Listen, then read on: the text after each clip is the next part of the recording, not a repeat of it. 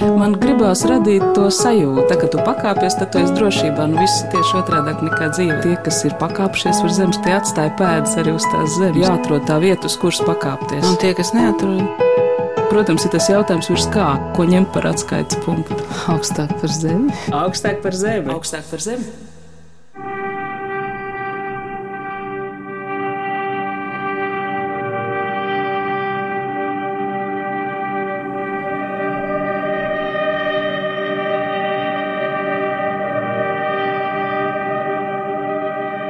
Esiet sveicināti! To, cik pirms 150 gadiem tapušā Fjodora Dostojevska romāna Vēlni tēmas sasaucās šobrīd ar mūsdienām, pirmais pamanīja jaunā Rīgas teātris režisors Alvis Hermans, romānu nodaļu izmantojot savā izrādē postscriptumu. Režisors Elmārs Senkaus, viņš arī šī raidījuma sarunbiedrs, spēra soli tālāk, burtiski pamanot romānu salāgojamību ar mūsdienām, jo kas gan tāds notiek romānā Vēlni? Bāriņš situētu jaunu cilvēku, dzer šampānieti, runā par labākas nākotnes sabiedrības modeļiem. Viņi ir studenti, šo to palasījuši no savu laiku progresīvu autoru darbiem, un paralēli, kā jau jauni cilvēki, risina savstarpējās attiecības, iemīlas, šķiras, līdz kādā brīdī tas viss pāraug noziegumā. Reālā asiņainā teroraktā un nebūtu ne idejas vārdā veiktā slepkavībā. Kāpēc? Mans vārds ir Anna Bušvica, un atbild uz šo jautājumu tiek meklēta četru stundu ilgā, jutekliski iedarbīgā teātra pieredzē. Valmieras teātrī tapušajā izrādē Melabie pēc Dostojevska. Deviņi aktieri, ap simts skatītāji, kuri tikai brīžiem aptumšotajā zālē redz arī viens otru reakciju uz notiekošo, pēc otrā starpbrīža mēs viens otru jau pazīstam, un rodas sajūta, ka te, līdzīgi kā Lūgas sižetā, notiek kādas puslegālas organizācijas tikšanās. Sajūta rodas arī tāpēc, ka tieši šobrīd Valmieras teātra ēka ir drupās. Tas ir šausminošs skats, kas mazliet atgādina fotogrāfijas no Ukrainas kardarbības skartajām vietām, un šajā izjauktajā ēkā, mazliet līkumojot pāri ielai, ir jādodas uz telpu, kas vēl palikusi neskarta. Tā ir Valmieras teātra apaļā zāle, Bet tad vienā stūrī izrādās notiek saruna. Jā, notiek nu, saruna, iedvesmojoties no Dostojevska romāna Vēlni. Mēs uh, esam pilnīgi šo romānu izveidojuši kā oriģinālu darbu. Justīns Kļavs, teiksim, tāds autora darbs, kur uh, ir paņemti raksturi, tēmas un pārveidotas šodienas kontekstā izslēdzot ārā Krievijas kontekstu, jo mums likās nepareizi šobrīd jebkādā veidā runāt par Krieviju, jo tas iztīsies kā attaisnot Krieviju. Manuprāt, ir svarīgi runāt par mūsu pašu nelabajiem, cik mēs patiesībā varam paši kļūt par radikālismu upuriem.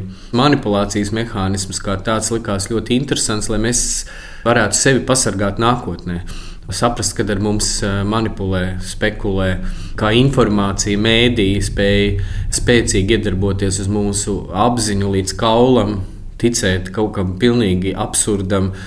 Izrādās, ka cilvēks ir eh, vājš, un viņš ir vājš tajā, ka viņam ir vajadzīgs kaut kam vispār ticēt. Cilvēka dabā ir kaut kam ticēt. Un skaidrs, ja viņš netic nekam, nevienam, tad uh, viņš ir tukšs. Neviens jau negrib būt tukšs. Elmāra Senko uzstādījums izrādē ir nerunāt par Krieviju. Taču notikuma konteksts arī mūsu sarunā neizbēgami spiežas virsū.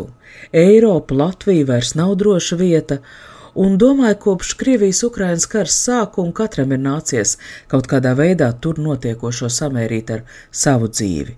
Kaut vai piesprāžot Ukrainas karodziņu, kaut vai izlemjot stāties zemesardzē. Jūsu pieeja krasi atšķirās no jaunā Rīgas teātra pieredzes. Jo arī režisors Alans Hermans bija sapratis, ka šis ir īstais brīdis pārlasīt Dostojevska vēlns. Viņš tieši otrādi man šķiet, ka viens no šīs izrādes mērķiem bija parādīt, ka ļaunums pastāv, nu, tāds metafizisks ļaunums. Un ka tas izpaužās pasaulē. Un, faktiski viņi tieši, tieši runāja par Krieviju kā šī metafiziskā ļaunuma nu, izvirtumu mm. vietu. Nu, Alva Hermaņa interpretācijas arī piekrīt. Es arī ticu tādā metafiziskā līmenī, ka ļaunums pastāv un viņš vienkārši izvirst brīdī, kad tas acīm redzam pasaulē vai ir nepieciešams vai vajadzīgs un kā to pārdzīvot. Mūsu gadījumā mēs vairāk ieskatījāmies cilvēka dabā, kā tādā, kur cilvēks, jauns, šodienīgs, liberāls cilvēks, atvērts, nekad nevarētu domāt, ka viņam varētu piemist terorisma iezīmes. Izrādās, ka to var ļoti viegli izprovocēt. Tas mans mehānisms bija veidojot izrādi, domājot, kā izvairīties no aizvainotiem cilvēkiem. Tad, attiecīgi, aizvainot cilvēki, kuri grib pierādīt vai pat atriepties pasaulē vai apkārtējai videi, tāpēc ka viņam ir nodarīts pāri. Šādu cilvēku pasaulē ļoti daudz. Pie veiksmīgas gadījuma un labas izglītības šie cilvēki nonāk arī pie varas.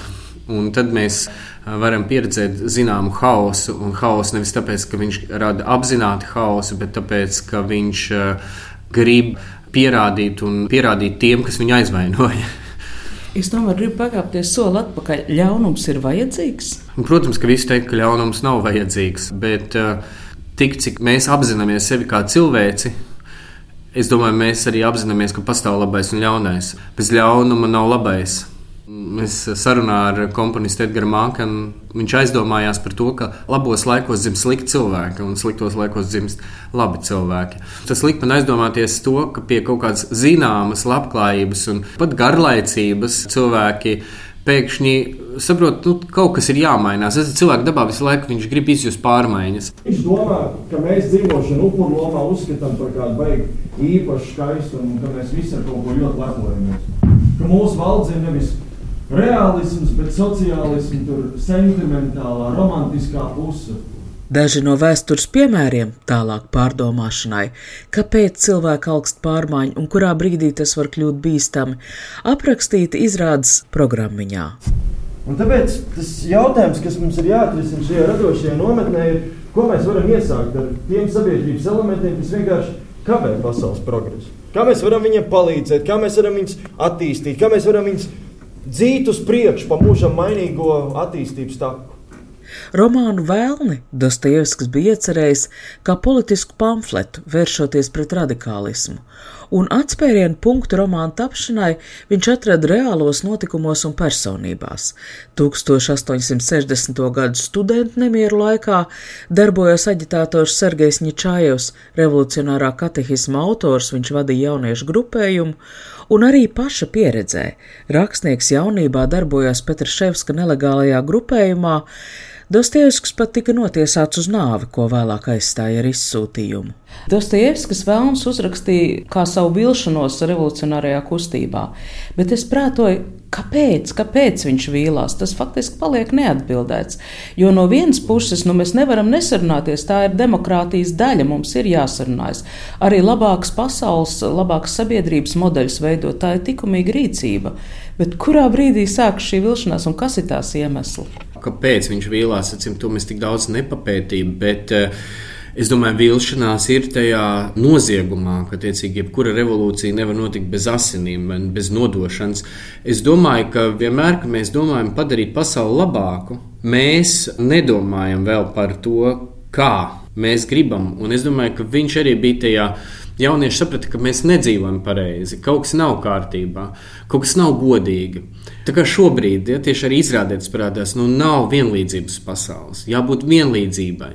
Bet, lai notiktu vienlīdzība, ir jānes upuri. Attiecīgi, jebkura skaista ideja prasīs vienā brīdī upurus, un tur sāksies vilšanās, un tur sāksies atbildēt. Tad, arī pat Amerikā esmu bijis tāda studentu grupa, kas cīnījās pret Vietnamas karu. Viņi bija ļoti daudzi, bet vienā brīdī viņi atbīra. Viņi bija sākumā 2000, pēc tam viņi atbīra. Tad viņi arī sāka veidot teroriskus aktus un uh, paši nejauši uzspridzināja viens otru. Šobrīd tie cilvēki, arī viņi nu, sēdēja cietumā, šobrīd šie cilvēki strādā par profesoriem augstskolās. Ja? Tiecīgi, viņi gribēja jaunībā padarīt pasauli labāku, bet vienā brīdī, tad, kad tu jau vairs nevari, tev pietrūks līdzekļu, tu sāc uh, acīm redzami izmantot ļoti nelietīgus līdzekļus. Es mīnu, es pieļauju, tā vilšanās ir, kad sāk parādīties asins.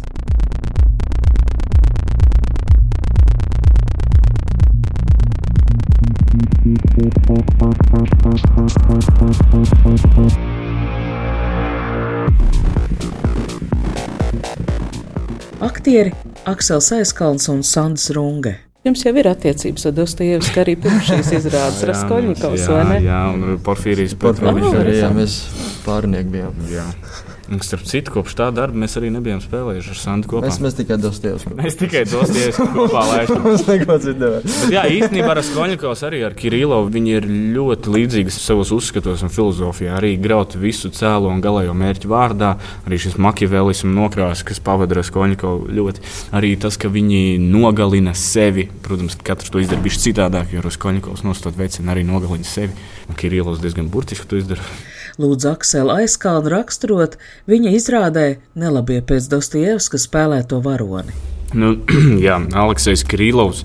Oriģināli Dostoevska romānā viņš ir varbūt uh, atveidots vairāk kā tāds ateists un, un dieva noliedzējs ar savu kaut kādu individuālo filozofiju. Tā, protams, šajā izrādē arī ir pārlikta, bet šajā Justīnas dramatizējumā varbūt lielāka krāsa ir iedota tai viņa depresīvajai pusē, kas arī romānā ir. Viņš arī ļoti depresīvs cilvēks. Bet tad mēs mēģinām arī caur šo šķautni varbūt vairāk to Kirīlo parādīt, kā viņš eh, uzvedās ikdienā ar saviem it kā tiem draugiem. Un, uh, viņš ļoti atkarīgs no visādām vielām un visādiem dzērieniem. Un, un. Kas arī ir depresants, kas arī šo kaut kādu maģisko loku veido, no kuras tu nevari tikt ārā. Cik interesanti skatīties, kā Dostojevskis evolūcionē. Tā tad tā ateisma tēma vairs nav tik svarīga. Nē, protams, viņa tur ir, bet nu, šeit ir tomēr tas šodienīgums, kaut kāda tā ekvivalenti milzīgā problēma arī nav vairāk tā pati, kas ir romānā. Justīns Kļavas dramaturgiskajā materiālā nobīdes no Dostojevska ir diezgan pamatīgs. Šis ir, es teiktu, pilnīgi cits stāsts, un tāpat laikā jums bija vajadzība saglabāt šo saikni klasiku. Jā, tas ir labs jautājums. Es aizdomājos, ka tikpat labi varējām mēs arī. Tikpat labi mēs varējām neatstāt šo savienojumu, kāpēc mums tāda tendence atstāt šo saikni. Laikam, atkal, lai atgādinātu, ka šis romāns ir vispār tapis pirms 150 gadiem, lai atgādinātu arī skatītājiem, ka joprojām kaut kādas lietas atkārtojas un joprojām paliek aktuāls tādas tēmas šobrīd, kā piemēram dieva esamība, kas tas ir. Ja? Nu, vispār tā reliģijas tēma, kas vienmēr tā teātrī ir bijusi tāda tabū tēma, un liekas, nu, un tāpēc vienmēr ir interesanti atgriezties pie Dostoevska, tāpēc viņš vienmēr šo jautājumu uzdod visos savos romānos. Bet Justīns Kļaus Lugāk ir Ilovs, kuram visvairāk kā attīstam ir šie monologi par dievu un cilvēku. Viņš izrādās cieši no depresijas, no narkotiku vielu mm. lietošanas. Dieva tēma ir nobīdīta. Jā, jā, jā nu, Kirillam, jā, bet toties Šatovam, tas ir citam tēlam, kurš aiziet otrā galējībā, jā, mm. tiecīgi kļūst par pilnīgi fanātisku kristieti. Mm. Tas ir arī šodienas aktuāla tendence, ka tik daudz sirgs patiesībā ar šo depresiju. Varbūt iespējams tas ir tas, kas arī šim Kirillam tēlam arī trūka. Varbūt tieši, ja viņš nenoliektu iespējams garīgas lietas, tas būtu varbūt iemesls viņam kaut kā ticēt, ka cilvēkam ir vērtība. Un man liekas, tas Kirīlo tēls ir šodienas īstenībā tāds diagnoze, cik daudz cilvēku patiesībā dzīvo vientuļi mājās, mēs par viņiem neko nezinām. Varbūt viņi sabiedrībā pat iznāk, bet mēs viņu nekad neatklāsim. Kad nevienam neinteresē patiesībā, kā viņš jūtas un cik viņš jūtas vientuļš. Ziniet, es arī vienreiz ieskatījos skatītājos arī izrādē skatītāju sejās. Ziniet, kas man pārsteidza, man palika ļoti skumji. Ir ļoti nogurušas sejas. Cilvēkiem ir sejas vaipsti nolaisti uz leju, pārguruši bāli un nelaimīgi. Ja iekāpjot transporta līdzeklī, mēs redzam to pašu. Garīgi nelaimīgi. Ja, ja saprotiet, mēs esam noguruši vai mēs esam pārstrādājušies, es nezinu. Bet eh, tā ainava nav diezko priecīga. Nu, šai izrādē atbild varētu būt Marija Bjatkina, šis tēls, ko brīnišķīgi spēlē Anna Nelāboliņa. Tu saki, es, un tu esi vienādi. Jā. Bet es esmu citādāka, cita, šita, cita. Tas ir cilvēks ar īpašām vajadzībām, bet kurš ir viennozīmīgi laimīgs un kurš intuitīvi sajūt to. Jā, nu. Viņas tēls savā ziņā ieņem tādu eņģeļa pozīciju. Jā, nu ļoti grūti pateikt par cilvēku ar īpašām vajadzībām, ka tā forma nav normāla, viņa nav estētiska, nu tā arī atzīsim. Bet iekšā viņai ir ārprātīgs bērns, ļoti tīrs un gaišs. Viņa nokļūst absolūti nelaimīgā vidē. Viņa jēdzieniski tāpēc arī mirst nežēlīgā nāvē. Viņa nevar eksistēt tādā vidē. Patiesībā daudz lielāks kroplīgums ir šajos citos cilvēkos, kuri dzīvoja kā tādu patīkamu dzīvi, varbūt mazliet garlaikotu, tādu buržāzijas dzīvi. Ja. Man bija svarīgi šo kontrastu radīt. Man ļoti daudz liek tas domāt arī šobrīd laikmatīgā, piemēram, teātrī, ja mēs ļoti daudz integrējam attiecīgi šos cilvēkus, kuriem ir tiesības nodarboties ar mākslu, tad man rodas šīs pretrunīgā sajūta, kurā diezgan labi situēta sabiedrības daļa nāk skatīties uz cilvēku, kuram ir ierobežots kādas izpausmes. Un tas man mulsina, ja? tad, tiecīgi, kāpēc mēs esam gatavi skatīties uz to. Tas ir atbalsts, vai tam arī ir mākslinieks pievienotā estētiskā vērtība. Stāstu par mūsdienu cilvēkiem patiešām ir interesanti samērot ar klasiku. Justīns Kļaus lugā Dostievska radīto tēlu rīcības pamatojums atšķirās, taču spriedze starp pretspēkiem paliek agrākā. Šis stāsts vispār nav izstāstāms, bez eņģeļa, bez nevainības klātbūtnes. Klēnā Marija Ļebļatkina, pret kuru sabiedrībai ir aizbildnieciska attieksme, vienlaikus ir izrādes centrs. Viņa ir tā, kuras dēļ ļaunums kļūst skaidri redzams, un tā saukto normālo sabiedrību tagad ir iespējams apsūdzēt noziegumos, Tā skaitā par neiejaukšanos, par līdzispēlēšanu. Marija Ļebjatkina jau nav vienīgā, kas šeit izrādē iet bojā. Šausmīgi daudz asiņu, asociācijas, protams, uzreiz ar Šekspīru. Mm. Jā, nu, man liekas, tā ir tā ikdiena, ko es negribētu piedzīvot realitātē. Es arī pats analizēju, kāpēc man pēdējās izrādēs tik daudz asiņu. Mēs nedrīkstam aizmirst, ka blakus notiek karš. Tiecīgi esmu spiests, es sev piespiežu skatīties, tad tiecīgi šīs šausmu bildes, kas notiek realitātē, viņās manī kaut kur paliek. Un acīm redzami, es Ziniet, bija tā, vai kara laikā var rakstīt zēju, ja tad var rakstīt zēju un vajag taisīt izrādes, bet nu, viņas varbūt arī izpaudīsies tā mūsu zemapziņa. Man liekas, izspēlēt to visu. Es nevaru viņu paturēt sevī. Un varbūt tas ir kaut kāds arī neapzināts gājiens ar tām asinīm. Ziniet, labāk asins, lai ir teātrī nekā dzīvē. Šeit nežēlība man parādās kā tāds estētiska vērtība. Es mēģinu viņu pārvērst par estētisku vērtību.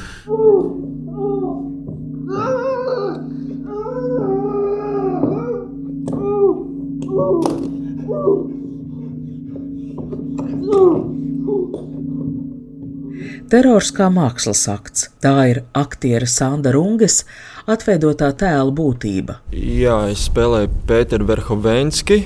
Tas viens no galvenajiem vainniekiem, kāpēc izrāda aiziet tur, kur viņa aiziet. Kaut kādā ziņā tas ir ceļš uz radikālismu, jo bērnībā apspiests puika kurš ir nonācis šajā ļoti liberālajā sabiedrībā, kurā viņam ir piešķirts vārds. Tur ir tā doma, ka, ja tavs idejas pamatā ir naids vai aizvainojums, tu gribi, negribi tuvojies uh, radikālismam. Nu, jā, manā gadījumā tas ir tas gājiens uz to cauri trīs cēlēniem. Jūs bijat tāds moderns politehnologs. Ko arī tu vari mūsu politikas sēmē ieraudzīt kaut kādas šķautnes no tā? Es domāju, kurā brīdī sākas ļaunums, vai tajā brīdī, ka šis politehnologs jūs tēlā manipulē ar cilvēkiem, sagroza viņu prātus, sagroza viņu vārdus, vai tajā brīdī, ka rokās parādās revolvers. Tas ir tas jautājums, vai ne? Jo teorētiski no nu, tā manipulācija mēs piedzīvojam katru dienu kaut kur, vai ne? Tas neaiziet līdz revolveram, bet nu, tā sakne jau Bet sakni, te vispār te ir kaut kāds tas sociopātiskā lieta, kas viņā ir uh, iekšā no bērnības pēc pārdzīvotas traumas.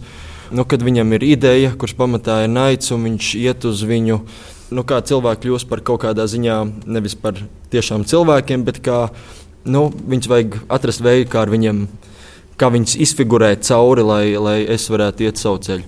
Es, komats, Aleksis Kirilovs, komats, paziņoju, komats, ka iegāja studentu kopmītnēs ar pusautomātisko ieroci un atklāja uguni. pa baltu filozofijas studentiem. komats. Jo uzskatu, komats, ka kreisās politikas piekritēji ir visa ļaunuma sakne. Punkts. Redziet, tā ir tāda viņa programma, ko viņš cītīgi ir režisēja savā kladītē un to realizējis dzīvē. Līdz ar to viņš pats skatās to kā uz uh, mākslas aktu, jo viņam tas ir sanācis. Mēs režisējam teātrī, bet ir cilvēki, kas režisē šīs lietas dzīvē. Viņš zina, kā šī informācija iedarbosies uz konkrētu sabiedrības daļu. Šobrīd šajā informācijas karā tas notiek tas pats. Pastieties informācijas kara rezultātā mirst cilvēki. Un iedomājieties, tie ir konkrēti politehnologi, kas ar to nodarbojas. Tādi Pēteri Verhovenski šobrīd ir ļoti daudz, mēs par viņiem nezinām. Viņiem nav skaistas sejas, kā arī tajā materiālā, ko viņš saka, man nav skaists sejas, nevienam nepatīk. Līdz ar to viņi nekad nebūs redzami, bet viņi būs tie īstie noziedznieki. Un šie īstie noziedznieki vai vispār kādreiz tiks atklāti, mēs nezinām. Pēter Verhovenska tēlā man eh, tas revolvers likās baigais anahronisms. Jo būtībā tas noziegums notiek tajā brīdī, kad studenti nevainīgi sarunājās uh Mhm. -huh. nu, par tiem modernajiem iedzieniem, par tiem ismiem, kādos tievas laikā. Tas arī bija mans izrādes mērķis parādīt, kā patiesībā tādas nevainīgas sarunas var novest pie nopietnas traģēdijas. Jo tad, kad paši jaunieši, aktieri, sēžot kojās, pārunāja, teica, nu, ja es, piemēram, nu, izdarītu noziegumu, vai jūs mani nodot vai nē, attiecīgi paceļ rokas. Un šī brīdī viņiem tiešām iestājās tā ticamības moments, bet tiešām vai es savu draugu nodošu, attiecīgi, vai es pats sanāk, esmu jau iesaistīts, jo esmu šajās sarunās bijis. Tāpēc vienmēr ir ārprātīgi jābūt uzmanīgiem. Mēs pat paši neapzināmies, kurā mirklī mēs esam jau iesaistīti. Ļoti daudz tādas situācijas bija Baltkrievijā. Ja? Bija viens puisis, kurš uzspridzināja metro, viņš dabūja, man liekas, mūžu vai pat nāves sodu, es to precīzi nepateikšu. Bet viņa draugs zināja, ka viņam patīk spridzekļi, viņš kaut ko ķīmķoja mājās un tam līdzīgi. Bet viņš nekad nebija iedomājies, ka viņš ir tiešām reāli aizies metro un uzspridzinās. Jo mēs neustveram nopietni daudzas lietas. Reizēm. Šobrīd arī masmedijos mēs neustveram nopietni, ko mēs rakstām sociālos tīklos. Mēs jau esam iekšā spēlē visi, šobrīd visi. Nu, jā, par to mēs ļoti daudz esam domājuši. Stefans Verhovenskis, brīnišķīgs tēls, antīka mēbele. Izrādē nelabie pēc Dostojevska. Stefans Verhovenskis patiešām nemaz nav aktieris, bet gan antīks sekretārs, kas vajadzīgajā brīdī tiek izstumts uz skatuves. Kamēr Stefana Verhovenska vēstījumu pasaulē, kā kaut ko jau apnikuši vispār zināmu, priekšā nolas pārējie. Pirms desmit gadiem es tāpat kliedzu, kliedzu universitātes aulā, kliedzu to pašu un tieši tādiem pašiem vārdiem kā jūs, un gluži tāpat kā tagad mani studenti mani nesaprata, smējās un svilpa tāpat kā jūs. Aprobežotie ļautiņi kā jums trūkst vai zināt, ka cilvēks var iztikt bez atjaunojošā taisnīguma, var iztikt bez pozitīvās diskriminācijas un kompensējošām rīcībām, var pavisam labi iztikt arī bez dzimtas diskursu un pārstāvniecības minimuma kvotām. Bet bez skaistuma nav iespējams iztikt. Jo tad pasaulē vairs nebūs nekā ko redzēt un nekā ko darīt. Tiešām ir tik slikti ar eh, vecākās paudzes stagnējošiem uzskatiem. Nu, tas atkal ir jā, jā, nav personiski jāuzsver kā šodienas kontekstā. Es domāju, tas jāuzsver kā atkal hiperbola, ka tieši no jauniešu pozīcijām ieliekas, nu, kas tās ir mēbeles. Vecie sēž atkal turpat pie stūrēm, lielie vadītāji, kas joprojām vēl no padomu laika iesēdušies un nepamat savas varas vietas un nedod jaunajiem un tam līdzīgi un tam līdzīgi. Un tāpēc bieži vien mēs sakam, nu, tur tā kā tu, tas ēd tā kā mēbele. Ja? Man personīgi nav nekāda pilsēta paudze, jo tas ir kaut kāds briedums, viedums, un tur ir arī kaut kāda sava stabilitāte. Bet atgriežoties pie Stepana Verhovenska, viņš um, ir tas laikmeta cilvēks, kurš īsti nevar sevi pieredzināt pie teiksim, tādas aktīvi liberālās pasaules, ka ir konservatīvas vērtības un ir liberālas vērtības. Un šis dialogs uh, ir ļoti interesants, vērojams. Un Stepans runā par skaistuma jēgu. Ka skaistums ir stiprāks par dzimumu kvotām, par vienlīdzību. Mēs pa zemu novērtējam skaistumu. Vai mēs tiešām aiziesim galējībās un vējiem līdzi vairs nekad neiestudēsim, ja? vai Otello mēs nekad nerādīsim. Tas patiesībā ir Šekspīra skaistākais darbs par to, tieši par to. Tieši par rasismu runāt. Un mēs varam runāt par rasismu tikai tad, ja mēs redzam, ka cits ir savādāks. Bet es nesaprotu, kāpēc cilvēki nevar pārkrāsot melnu. Elmars Senkovs šeit acīm redzot norāda uz Latvijas presē maz atspoguļot šīs vasaras skandālu, kad Grimija balvas ieguvēja melnādainā operdziedātāja Angela Blue atteica savu uzstāšanos Veronas arēnā, jo šai pašā arēnā Aīdas iestudējumā Baltādainā Anna Netrepko, Etiopijas princeses lomā, grimēja savu vādu melnu. Angel Blue šādu operas estētiku uzskata par novecojušu, arī verdzības tēma viņas prāt Verdi operā atspoguļota jūtīgi.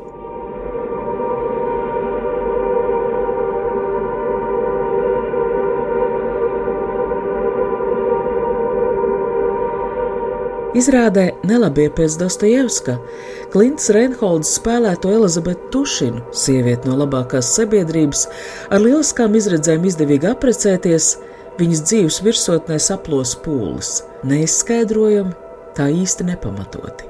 Satrakojies pūlis ir bīstams pūlis, un uh, viņš nešķiros. Tad brīdī man vispār uh, pūļa instinkts vienmēr ir biedējis. Man vispār nepatīk pūļi. Arī tad, kad ir lieli svētki, es cenšos izvairīties no pūļiem, kur es esmu saskāries ar pūli, kaut vai tie paši deju svētki. Tas ir pūlis. Tā ir viena liela, organizēta pūlis, kurš organizēti kustās. Tā ir nopietna armija. Paldies Dievam, ka mums ir deju svētki un mēs dejojam, un nevis mēs stāvam ar ieročiem. Bet mēs labi zinām, ka viens cilvēks pasakot vienu vārdu, šis pūlis reaģē.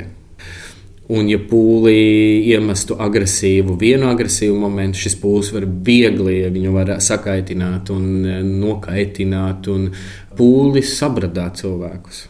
Tad iznāk, ka dziesmu dēļu svētki ir zāles pret pūļa Jā. psiholoģiju, ka teātris ir e, zāles pret ziņu kadros skatītajām asinīm, ka tu tās izdzīvo teātrī kā rituālā. Jā, līdzīgi kā sports, olimpiāda labāk mēs cīnāmies, metot bumbiņu viens otru grozā, labāk mēs dejojam pūlī, labāk mēs svinam svētkus pūlī, taisam liels skaists uzvedumus.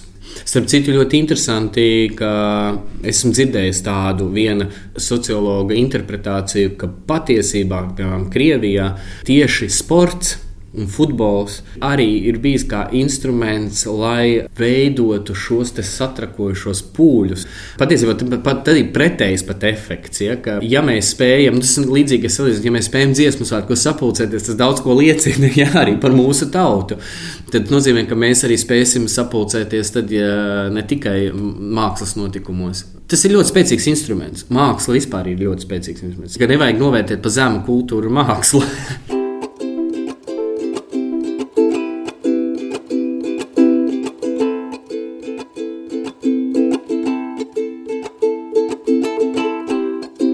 ar režisoru Elmāru Seņkovu par Valmieras drāmas teātrī iestudējumā Nelabie pēc Dostievska skartajām klasikas un vienlaikus aktuālajām tēmām sarunājās Anda Bušvica, šī raidījuma skaņoperators Valdis Raitums.